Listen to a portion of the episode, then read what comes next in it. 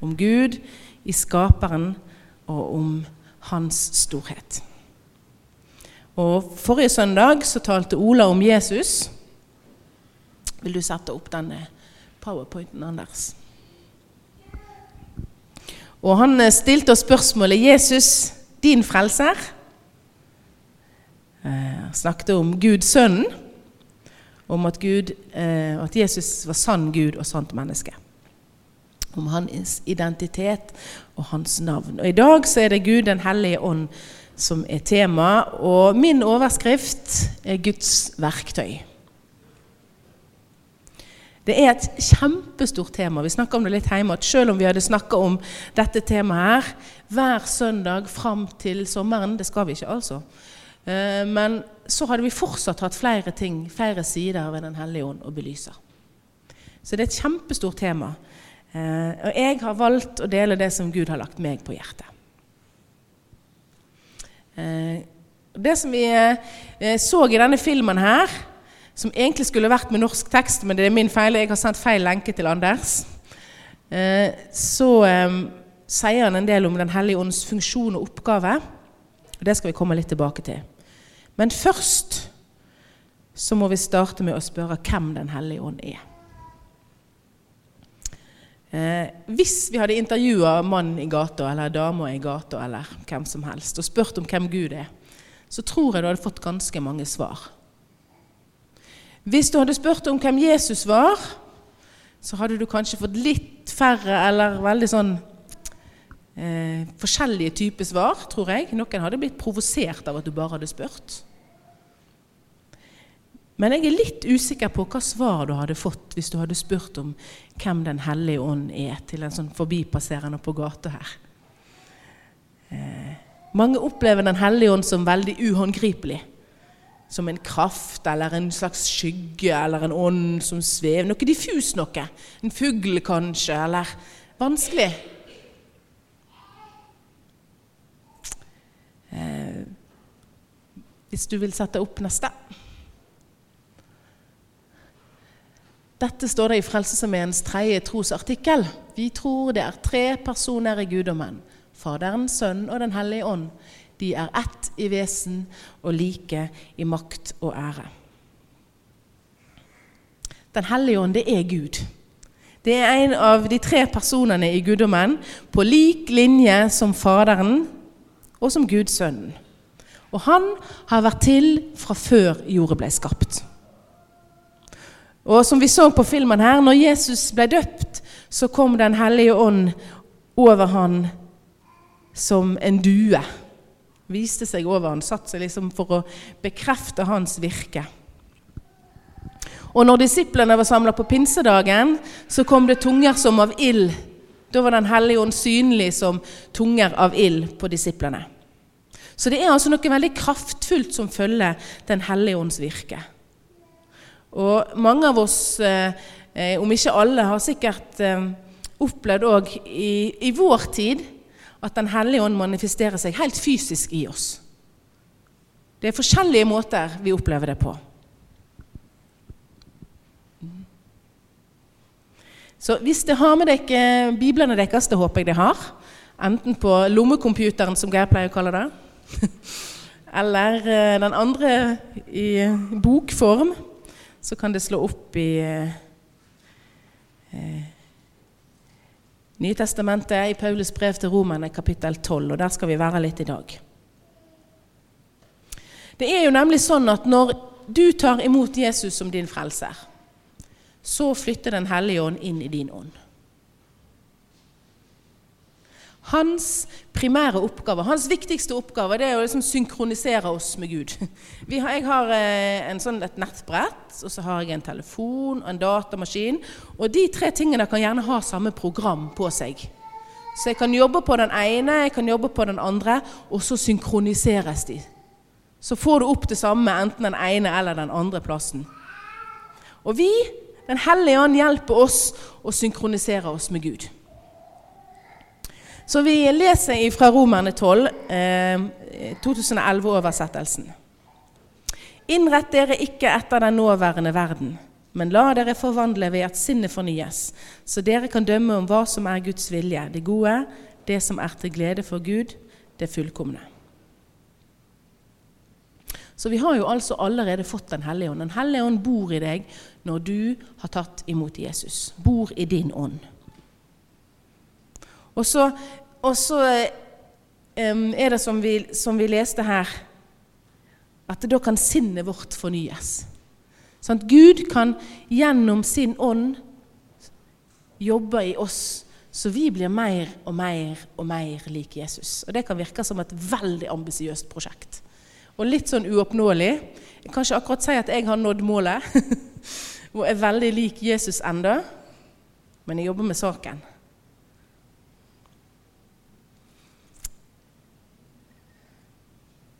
Vi har altså allerede fått Den hellige ånd, så når vi synger 'Hellige ånd, kom nå og virk i mitt liv', eller 'Fall over meg', så er ikke det fordi han ikke allerede er her. Men det er for å si at vi åpner opp så han kan gi oss en fylde av seg. Og hvis vi eh, slår opp i Johannes Johannes evangelium, så beskrev eh, Jesus eh, Den hellige ånd for etterfølgerne sine. Og Det er altså kapittel 16, vers 7 og 8 først, og vers 12 og 14 etterpå. Og Det sier noe om oppgavene og hvem Den hellige ånd er. Men jeg sier dere sannheten. Det er det beste for dere at jeg går bort. For dersom jeg ikke går bort, kommer ikke talsmannen til dere. Men går jeg bort, kan jeg sende ham til dere, og når han kommer, skal han gå i rette med verden og vise den hva synd er, hva rettferdighet er, og hva dom er. Ennå har jeg mye å si dere, men dere kan ikke bære det nå. Men når sannhetens ånd kommer, skal han veilede dere til hele sannheten. For han skal ikke tale ut ifra seg selv, men si det han hører, og gjøre kjent for dere det som skal komme. Han skal herliggjøre, herliggjøre meg, for han skal ta av det som er mitt, og forkynne det for dere. Tenk at vi har en veileder med oss 24 timer i døgnet. Det her er ikke sånn at du må bestille time hos eh, studieveilederen på, på skole, eller rådgiver, eller skolehelsesøster, eller eh, psykolog. Eller. Vi har veilederen med oss hele tida. Til vår disposisjon i alle ting vi står i. Og ikke bare er en veileder, men det er sannhetens ånd som kjenner sannheten fullt og helt. Og tenk for noen råd vi kan få da. Tenk for en hjelp vi har tilgjengelig. Han bor i vår ånd. Og så kjenner jeg noen som nei, han bor kanskje i din, men han bor ikke min, for jeg er egentlig ja, jeg er ikke, Det er greit med Gud, og det er greit med Jesus, men Helligånd han, han, eh, han tar jeg litt avstand fra han, eh, han, velger jeg å ikke ha med. For det er litt for eh, skummelt. Eller det er litt for Da må jeg oppgi noe kontroll. Nei, det, det får vi vente med til litt seinere. Jeg kjenner en del sånne. Eh, og jeg forstår at det kan være utfordrende. Men dette her er faktisk ikke valgfritt. Hvis vi ser på hva Peter sa på pinsedagen når han var i Jerusalem, det finner vi i Apostlenes gjerninger, kapittel 2. Da siterte han profeten Joel, som sier noe om ånden som har vært der helt ifra skapelsen av. Kapittel 2, vers 17 og 18. I de siste dager skal det skje, sier Gud, at jeg øser ut min ånd over alle mennesker.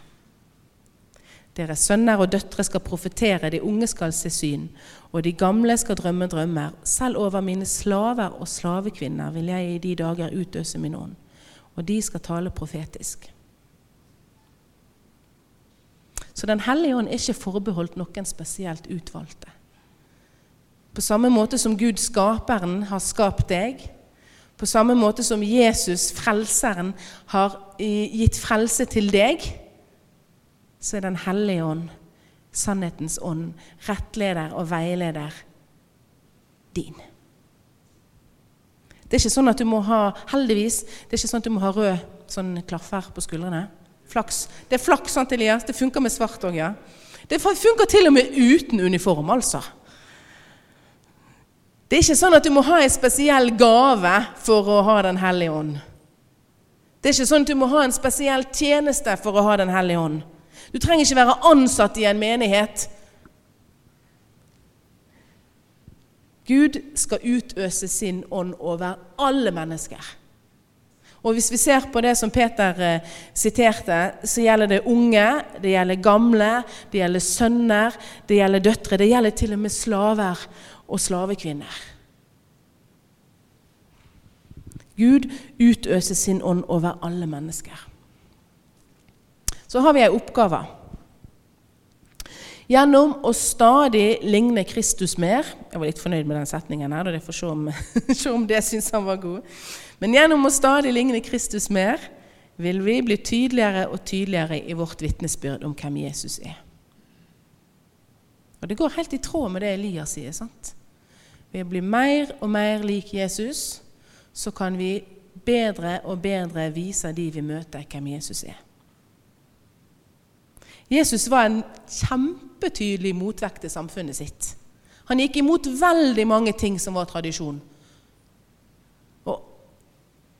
Kjenner det stikker litt? For det skal vi òg være. Og det kan kreve sitt. sant? For behovet for den eh, motvekten til, eh, til, det som ikke er godt i samfunnet, det trengs i dag òg. Så vi har altså en todelt utfordring foran oss. Gjennom de vi er, og det vi sier og gjør, så skal vi hvis du skifter, eh, Anders Gjøre to ting. Trommevirvel. Vi skal ære Gud, og vi skal være med å bringe andre mennesker til tro. Det er de to oppgavene vi har fått.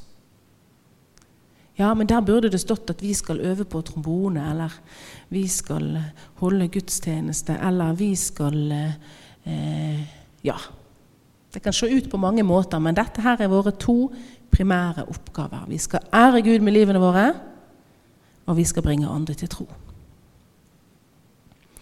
Jesus ber til og med oss for oss før han går inn i Getsemane. Han veit hva som skal skje sant? Når han skal gå inn i Getsemane. Han vet oppgaven sin. Han vet at det er ingen vei utenom. Og han vet hvorfor han må gjøre det. Og da ber han for oss. Hellige dem i sannheten, for ditt ord er sannhet. Som du har sendt meg til verden, har jeg sendt de til verden. Ber ikke bare for de, men òg for de som gjennom deres ord kommer til tro på meg. Han ber ikke bare for oss, men han ber for de som skal møte han og komme til tro på han gjennom de som vi er. Så Romerne 12, som vi begynte i, det er en slags oppskrift. Og den oppskriften er ikke sånn at du kan velge det vekk. Eh, det står i eh, vers 9-11 i Romerne 12 at eh, vi skal la kjærligheten være oppriktig. Vi skal avsky det onde og holde oss til det gode. Vi skal elske hverandre inderlig som søsken. Og vi skal sette andre høyere enn oss sjøl. Vi skal ikke være lunkne, men ivrige og vi skal være brennende i ånden og tjene Herren. Det er ikke småtteri. Det er ganske store ord. Men eh, Og det er kanskje ikke en nyhet engang, men det er godt nytt at Gud har gitt oss Den hellige ånd. Og Den hellige ånd gir oss en verktøykasse, så alt ligger klart. Jeg har en verktøykasse jeg skal opp og hente her.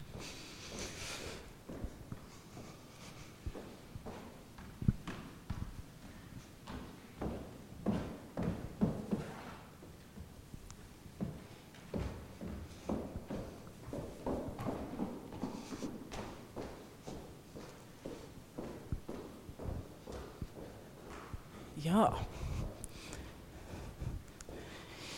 Denne verktøykassen har jeg fått av Gud. Eller jeg fikk den av Pål i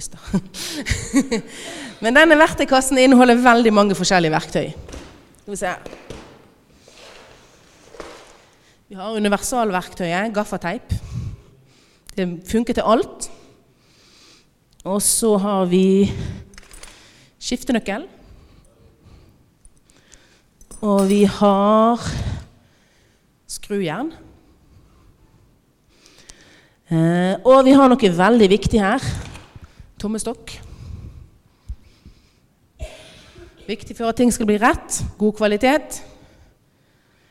Eh, nå, nå jo, er det jo ikke sånne verktøy selvfølgelig som, som Gud har gitt oss, selv om av og til kunne vi trengt det. Men det er kjærlighet, det er omsorg, det er visdom, frimodighet, bønn. Så det er litt som å liksom tune inn på den der Sånn som radioen var før vi fikk DAB-radio. Alle har vært, eller De fleste i hvert fall har vært med på å sånn, skru på den der bryteren, så plutselig kommer signalet inn. Plutselig hører du kanalen du skulle vært på. Så vi må tune oss inn på rett kanal til enhver tid. Det kan Den hellige ånd hjelpe oss med dveler ved ordet, la ordet virke i oss, være i bønn, eller sånn som det står i Kolosserne 3, søke, stadig søke det som er der oppe. Noen ganger, eller kanskje noen flere ganger, så velger vi feil verktøy.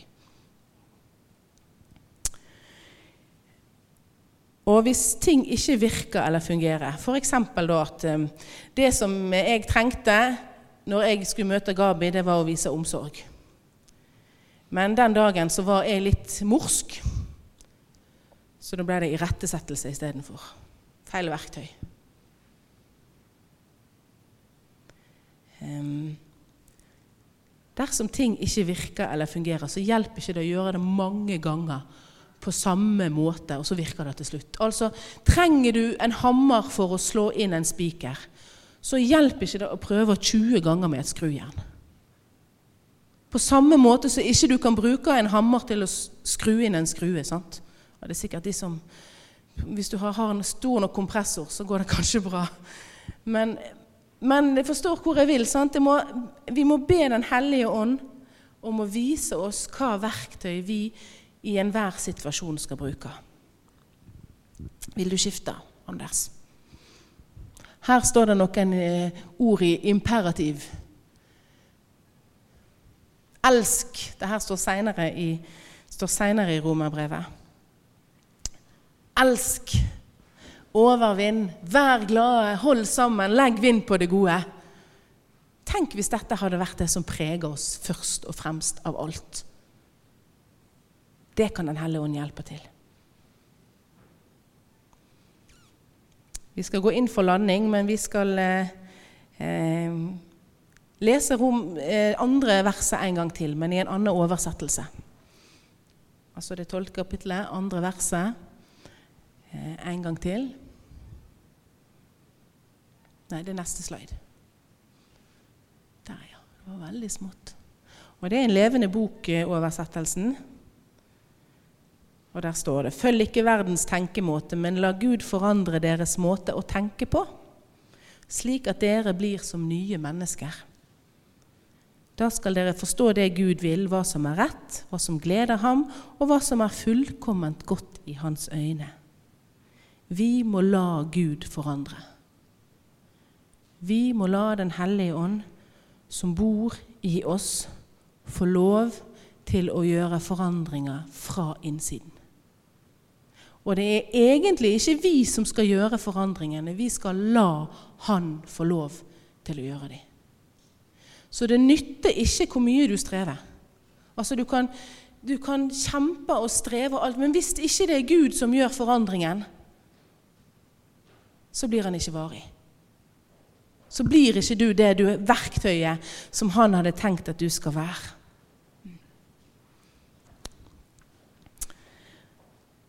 Men du må være forberedt på at eh, når Den hellige ånd setter lyskasteren på ting i livet ditt, hvor du må lære deg å tenke i tråd med Guds tanker, så kan det bli utfordrende.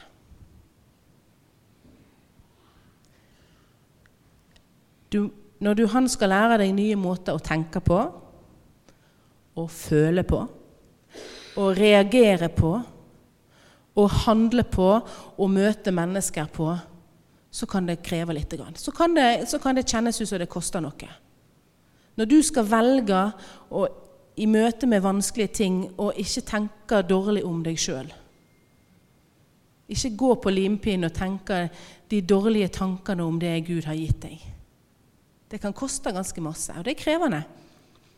Jeg har to eksempler fra mitt eget liv, bare for å vise at ikke det er liksom noe som jeg skal legge på deket uten at jeg tar det har, er gjennom det hele tida sjøl. Det første det er evnen til å elske.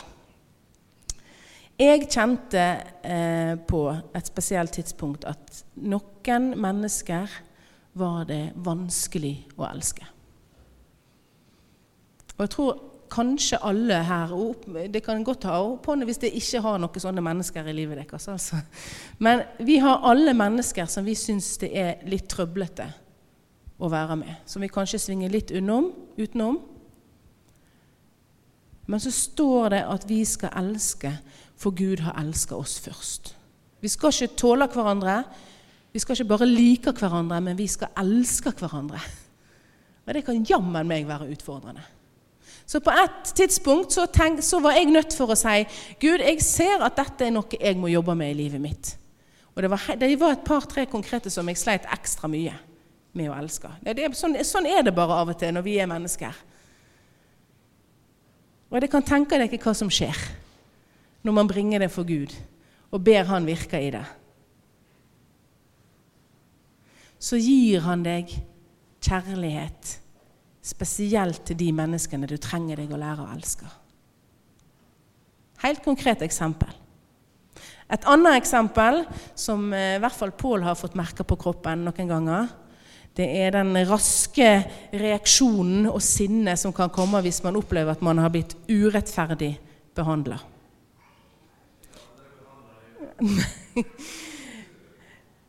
Men er, man blir, kan bli sint, og så kan man bli, føle at man ikke blir forstått. Og så kan man eh, tenke at uh, skal ha man en sånn rettferdighetssans, sier det med hermetegn. For egentlig handler det da om selvrettferdighet. sant? på egne vegne. Det handler egentlig bare om at jeg ville ha siste ord. Jeg ville ha rett. Og det kan bli ganske mange eh, krasjer, spesielt i sånne stressende situasjoner i forbifarten og i møte med mennesker. Det kan bli ganske ubehagelig, og det var utrolig vondt etterpå. Det var kanskje noe av det som gjorde meg mest vondt. Jeg sier ikke at det er vekke. Men jeg har virkelig gitt det til Gud og ber Han om hjelp til å gå ett skritt tilbake og tenke hans tanker om det som skjer. Ganske utfordrende, for vi er alle mennesker med masse reaksjoner og masse følelser. Men vi kan gi òg det til Gud. Så selv om det er tradisjon i mange kristne kretser at man liksom sender fornuft og tenkning på båten, man skal føle troen, man skal trosopplevelsen er liksom basert på vaner eller det vi tror at det skal gjøre. Gud har utstyrt oss med forstand og intelligens, og vi skal bruke alt Han har gitt oss. Og vi vet at alt tjener til det gode for de som elsker Gud, og Han har kalt etter sin frie vilje. Det kan hende at når du ber Gud sette lyskaster på livet ditt, så må du pensjonere noen av kjepphestene dine. Det kan hende at du må trene på å sette andre, dine egne behov til side til fordel for andres behov. Det kan hende at du må trene deg på å bryte noen reaksjonsmønster. At du kan identifisere de aller mest utfordrende situasjonene du kommer i, der du vet at du ofte reagerer på en måte som ikke akkurat lyser av likhet til Kristus. Og det gjelder meg, kanskje gjelder det deg, men mennesker sitt liv kan faktisk bli snudd på hodet av hvordan du møter dem. Kanskje starter det med trening hjemme eller her i menigheten. Kanskje er det du eller jeg som skal ta initiativet til å hilse på noen neste gang, istedenfor å være den som venter til å bli hilst på. Kanskje du skal våge å gå ut av sikkerhetssona di og spørre om forbønn eller be med noen. Kanskje skal du ta sånn som jeg gjorde, og stadig gjør, nesten daglig. Et skritt tilbake når du kommer i en ubehagelig situasjon du har en tendens til å svare litt for fort i. Og be Den hellige ånd om veiledning. Eller kanskje det er du som må ta første skritt i møte med noen som trenger at du tilgir dem. Virkelig ønsker jeg å be Gud den hellige ånd om å vise deg hva verktøy han har lagt i verktøykassa di. Og om at han skal vise deg hva du skal ta i bruk til enhver tid. Og vi skal be han lyse sitt, liv, sitt lys. Jeg skal be han lyse sitt lys over mitt liv. Jeg håper du vil gjøre det samme, så du kan få se hvordan du kan ligne han mer. Og gjennom å ligne han mer, så kan du bringe ære til Gud og mennesker til Jesus. Amen.